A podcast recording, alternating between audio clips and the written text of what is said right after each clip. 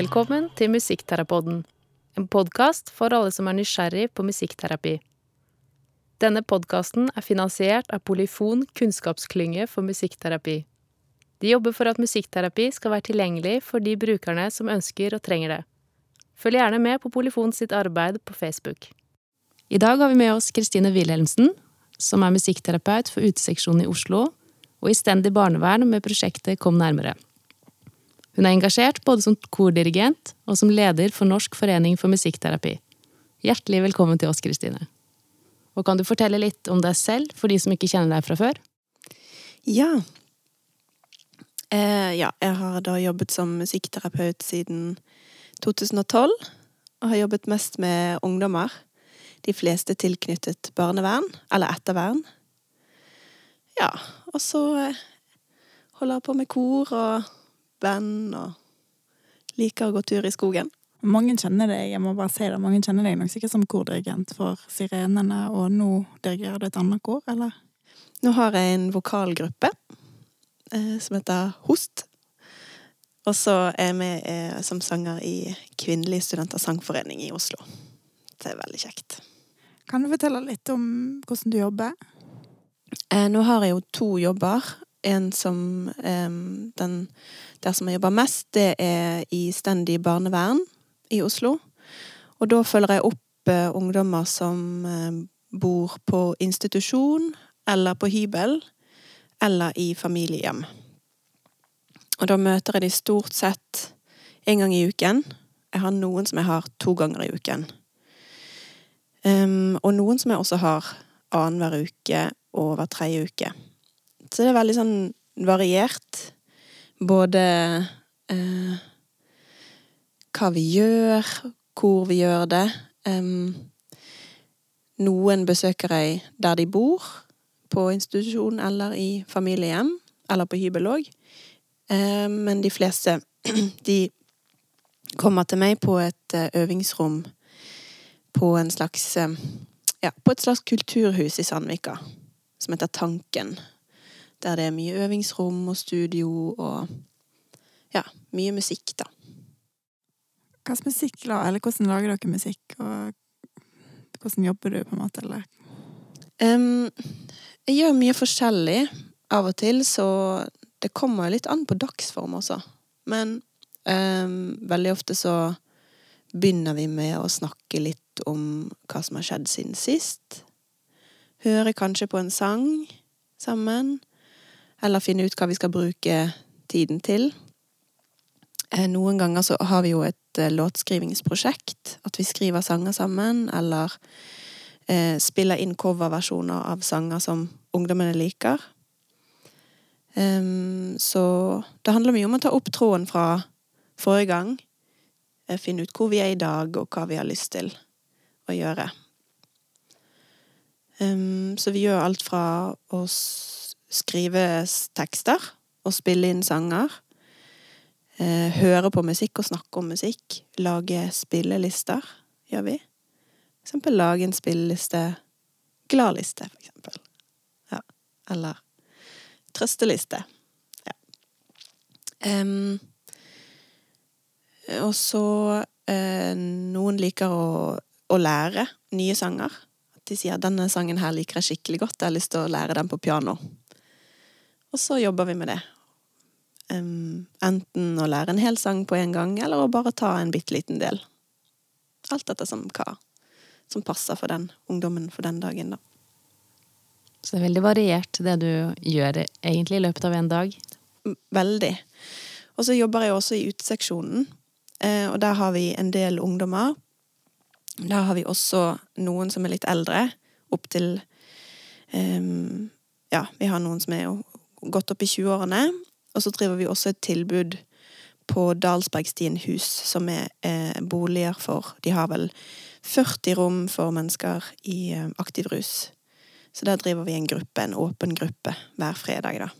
Så der er det mennesker fra ja, midten av 20-årene til over 60. Så det er veldig veldig variert og veldig, veldig kjekk jobb. Hvordan blir musikken der, når det er så stort spenn i alders... Åh, det er alt mulig. Alt fra ABBA til Bob Dylan til eh, Tore Tang og Nirvana. Eh, Audiosliv. Altså, det er alt mulig. Og Titanic. Altså, og iransk folkemusikk. Altså virkelig utrolig stort spenn, og det er så Det er så masse musikalske mennesker der at det blir Hver gang så er det bare helt magi, altså. Det er veldig, veldig kjekt. Da jeg jobbet før med lavterskelrus, og jeg kjenner igjen den følelsen av å få være på sånn åpen uh, musikkgruppe der. Det er bare Du vet aldri hva som skjer den dagen, og, og det er sånn som du sier, det er liksom My Heart Will Go On og Metallica på samme tid. Kan du uh, si litt mer om den eh, gladlista og den tristlista, og hvordan, dere, hvordan ungdommene bruker den når de ikke er hos deg, da? Ja, um, det varierer litt hvor mye de bruker de. Noen ganger så når jeg spør om de har hørt på listen, så får jeg bare sånn Nei, jeg har ikke hørt på den. Mens andre ganger så er det sånn at de sier at det kommer og sier at jeg har, å, nå har jeg den sangen på den listen fra, på hjernen, da. Um, eller at um, ja, eller at de legger inn nye sanger på listen mellom at vi har vært der. Sant? At når jeg møter de igjen, så kan de si sånn Kan jeg gå inn og se Ja, se du har lagt til denne sangen.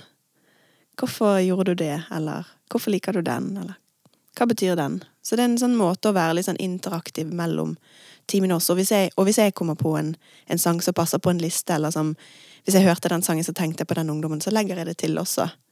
Av og til så sender jeg melding sånn 'Nå har jeg gått inn og lagt inn en ny sang' Jeg er spent på hva du syns, eller noe sånt, da.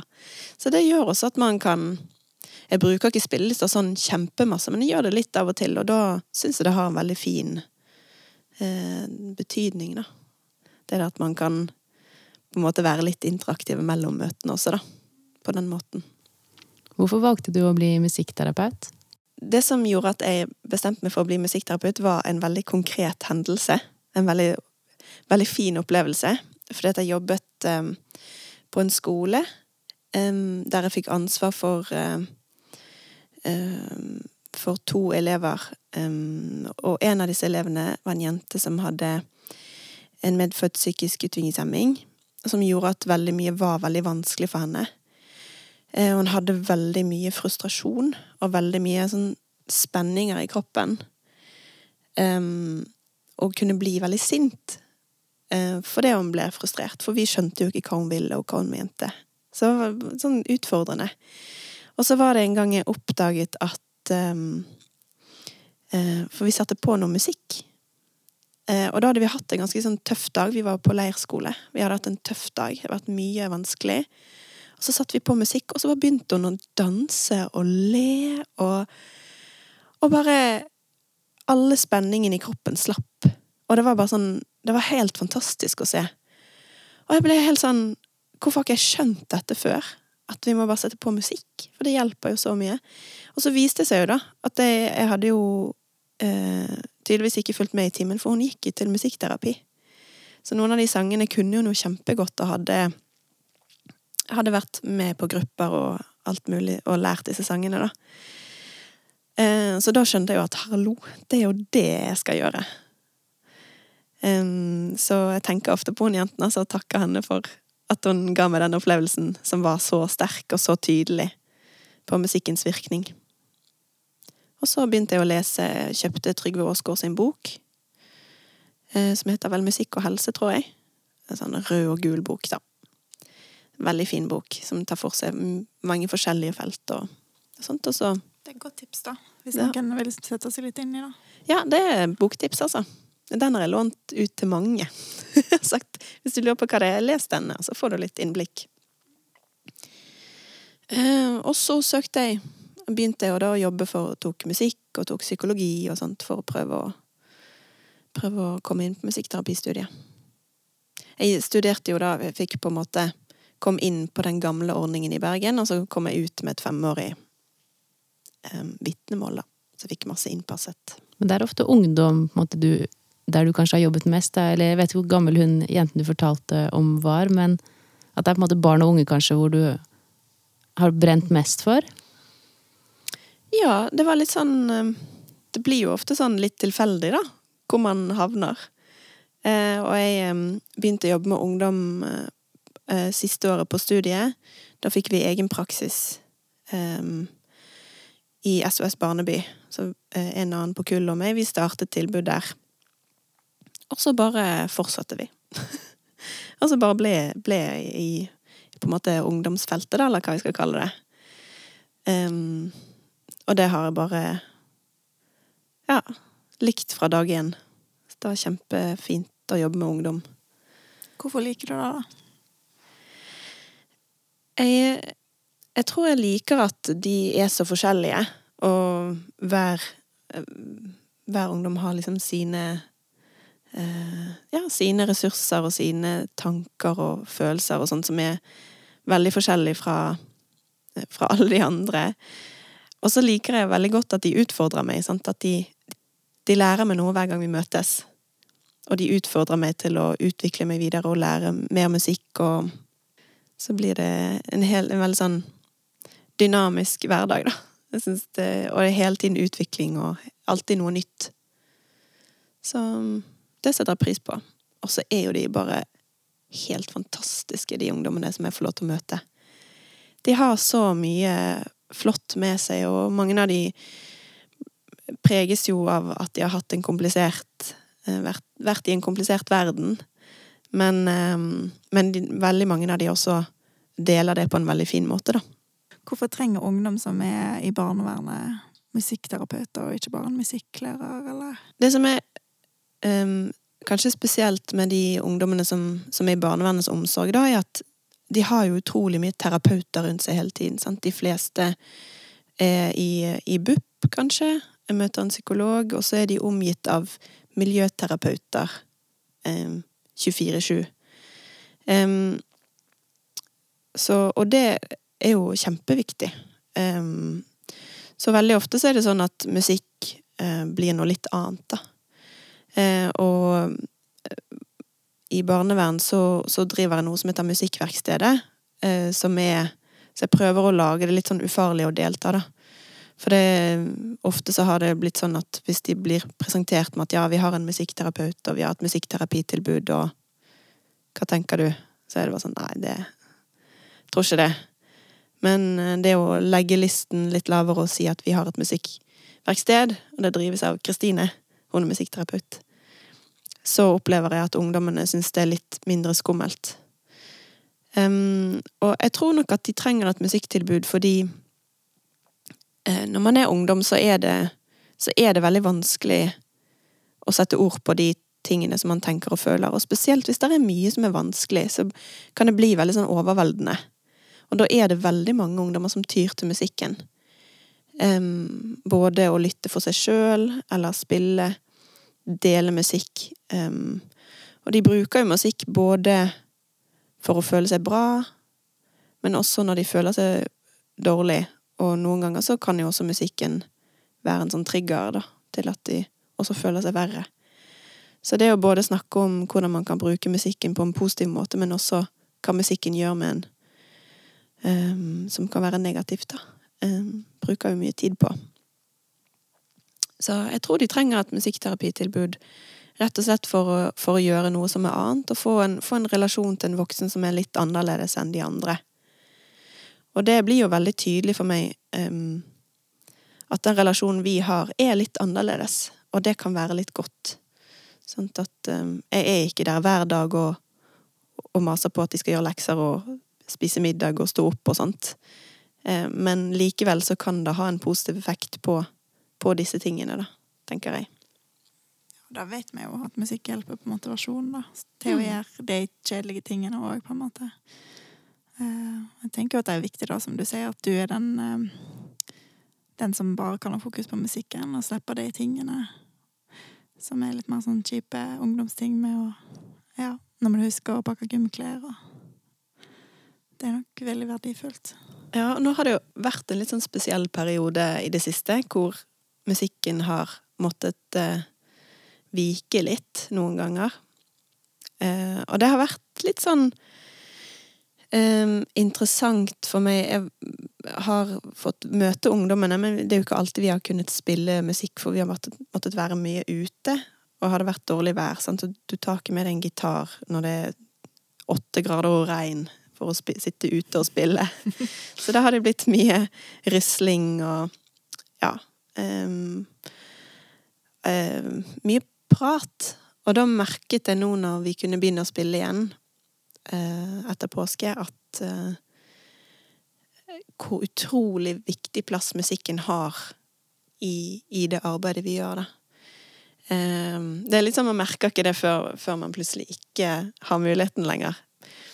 Men eh, det, var, det ble veldig tydelig for meg at musikken er så viktig. Man kan snakke om de menneskelige møtene, og det er jo i bunn og grunn det det handler om, men musikkens plass er helt uvurderlig. Og det fikk jeg oppleve nå. Hva er musikkterapi for deg? Musikkterapi for meg handler om å legge til rette for endring og utvikling i musikalske møter. Veldig fint. Jeg har tenkt mye på det. Ja. Hva er liksom den endringa og utviklinga? Vet du det på forhånd? Du vet kanskje ikke det på forhånd. Noen ganger har man jo et tydelig mål. Um, og veldig ofte, egentlig. Sant? Og det kan jo være uttalt eller uuttalt. Men um, det der å legge til rette for den enkelte Det er jo sikkert noe som politikere sier veldig ofte, men det er det å finne ut hva er det du kan, og hva er det du vil? Hva er det du trenger? Det å legge til rette for at du kan få lov til å gjøre det, og at vi kan gjøre det sammen, det er det det handler om, tror jeg, i musikkterapi. Tror du man kan ta det til andre fag, eller felt måte inni musikkterapi nå? At det ikke bare er ungdommen, at du kan Ja, det, det har jeg tenkt på. At uh, det å legge til rette for endring og utvikling gjelder jo enten man er i barnehage eller om man er eldre. For det er jo, man tenker jo liksom at ja, ja, nå er du gammel, og det er kanskje ikke noe sånn særlig håp om eh, endring og utvikling, men det er jo det. Man skal aldri gi opp et menneske. Og selv om man har eh, eh, lite mulighet for bevegelse eller språk eller sånt, så kan man alltid utvikle seg, altså. Og det fortjener alle de menneskene at vi håper og tror at de kan. Det er fort gjort å, glemme at man, man tenker at nei, her, her er det så vanskelig at vi må bare liksom Det handler om å, å bare komme seg gjennom dagen. Men hvis vi som hjelpere og støttepersoner skal liksom tenke det, da har jo den personen tapt. Vi må, vi må klare det. Det fortjener det, det mennesket. Du jobber jo også litt med musikkteknologi. Og vi har jo sett at dere har gitt ut et album med Kom nærmere-prosjektet. Vil du fortelle litt om det? Ja, Um, i Kom nærmere Oslo så har vi gitt ut Vi begynte med en EP med tre låter. Og så ga vi ut en, et album nå i eh, vår med syv låter. Eh, og det er jo veldig ehm, Veldig kjekt arbeid. Det der å, å liksom være med fra at vi skriver en tekst og lager en melodi og akkordrekker og alt sånt som passer til, og så blir det en låt, og så sier vi sånn 'Denne her, den må vi spille inn'. um, og det der med å ha et sånt felles prosjekt med ungdommen og invitere med sånn, Sangen er kanskje laget én til én eh, med en av ungdommene, og så, og så er det sånn skal vi invitere med hun, så kan hun spille bass, eller han, så kan han spille trommer. Og så blir det et sånn felles prosjekt av det, da. Eh, og at man får ta del i hverandres eh, musikk og hverandres liv på den måten. Det er en veldig veldig sånn fin prosess, og merker at ungdommen også eh, knytter seg sammen på den måten. Um, så det er veldig veldig fin, fin måte å jobbe på. For det kan jo ofte være personlig, det å skrive en låt og innholdet i tekstene. og Hvordan oppfatter de det å dele det med andre av ungdommene og dele det med dere? Um, mitt inntrykk er at de syns det er veldig skummelt. Um, men at uh, jeg sier jo Og det er ikke alle sanger vi deler. Noen sanger bare blir vi enige om at denne sangen her, den er vår. Den har vi to sammen. Em, og at det kanskje ikke er så lurt å dele den med alle. Hvis det er masse, masse innhold som er vondt og vanskelig og sånt, så kan det være veldig godt at den sangen er bare en hemmelighet, på en måte, som de kan vise til noen utvalgte. Så, så de sangene som blir vist, jo- det er jo veldig sånn sårbart. Hvis det er noen som ikke liker den, så er, kan det potensielt bli veldig vondt. Så vi jobber jo litt med det der å liksom forberede på at, at man, man kan få en negativ tilbakemelding. Men jeg syns at stort sett de sangene som vi har gitt ut, da, er, er i hvert fall jeg veldig stolt av. Um, og det å også tørre å, å, presentere noe du er stolt av, da. Uh, og gjøre det sammen. For det er jo litt viktig, da, at uh, selv om det er en ungdom som har skrevet teksten og sånt, så, så, er vi jo sammen om det. Um, og så opplever jeg at når de da får den positive tilbakemeldingen, sånn når en annen ungdom sier 'oi, det var utrolig fin tekst', eller 'kjempefin låt du har skrevet', så er det sånn Så vokser de jo 20 centimeter, og bare Ja, de blir så stolt og glad, da. Eh, den tilbakemeldingen der er utrolig viktig. Og så betyr den jo tusen ganger mer enn det at du sier at den låten er bra. Det gjør nok det. De og de er flinke å støtte hverandre. Um, så lenge jeg har jobbet um, med ungdom med musikkterapi, så har jeg eh, så har jeg opplevd kanskje én gang at noen ungdommer har gitt negativ tilbakemelding til noen andre. De er veldig støttende. Og de er veldig sånn ja, hjelper hverandre opp, altså. Så det er veldig flott å se. Men jeg blir ikke overraska for å oppleve at når en går inn i sånne store prosjekt som er liksom en stor konsert, eller, eller et sånt plateinnspillingsprosjekt eller EP eller sånn, så blir de de deltakerne som er, de bare backer hverandre så veldig opp, da, og liksom 'kom igjen', og 'dette tør du', og eh, Jeg blir alltid veldig overraska. Nå har ikke jeg gjort mange sånne prosjekt, men det som jeg har vært med på, syns jeg at det er veldig sånn at det funker fordi at deltakerne er så rause med hverandre da, og heier sånn på at de sammen skal få til et sånt prosjekt i lag. Ja, altså det å snakke om at nå, altså før en konsert, sant, at nå er vi nervøse sammen. Og jeg blir jo alltid nervøs. Både på egne vegne og på deres vegne. Sant? For det, de, det, er jo klart at det er en kjempepresset situasjon. Jeg er dritnervøse alle sammen. Så det der å anerkjenne at ok, shit, nå skal vi faktisk ut på scenen og spille for enten ti eller 80 eller 100 mennesker. Så dette klarer vi. Pust og Og ja. Så, så er de veldig flinke å backe hverandre, altså. Du har snakket litt om at du lærer veldig masse av ungdommene. Hva er det de lærer deg? Ja, for det første så um, viser det meg veldig mye fin musikk. Uh, så jeg, jeg, føler at jeg alltid hører noe nytt. Uh, og det er veldig ofte det, det, er litt artig, da, fordi for eksempel Justin Bieber var jo veldig Eller er jo veldig populær, da, men sånn Det er jo ikke alle på min alder som digger Justin Bieber, men men jeg har fått veldig sånn fine opplevelser med mange forskjellige Justin Bieber-låter, for eksempel, eller Tekashi 69, eller ja, hva som helst, egentlig. Så jeg får veldig fine, annerledes assosiasjoner til låtene. Altså, jeg, jeg, liker veldig mange låter som kanskje de på min alder ikke nødvendigvis liker så godt, da, fordi jeg har veldig gode assosiasjoner til eh, til den musikken, for det ungdommene har vist den til meg, i, og vært veldig eh, veldig opptatt av dem, eh, på en god måte. Så det gir meg en god assosiasjon. Eh, og så lærer de meg jo veldig mye om, om, tanker og følelser. Hvordan det er å ha det vondt og vanskelig. Eh, både sånn rent hvordan deres opplevelser er, men også det at jeg må lese meg opp, rett og slett på fag. Um, og prøve å finne en måte å møte dem på en god måte, da. Um, så vi utvikler oss litt sammen på de tingene, ofte. Og det er jo litt sånn at selv om de har en diagnose, så har jo de den diagnosen på sin måte. Og den, eh, den Selv om de er kategorisert, så er de jo en helt unik person. Så jeg, jeg føler at jeg blir veldig sånn utfordret av de um, i sin individualitet, da. Så ja, hver ungdom lærer meg noe helt spesielt hvordan vår, vårt samarbeid skal være, da. Har du en historie fra ditt virke som musikkterapeut som har satt dype spor? Ja, der er, der er mange, mange historier, syns jeg. Eh, jeg blir ofte berørt av de menneskene jeg møter.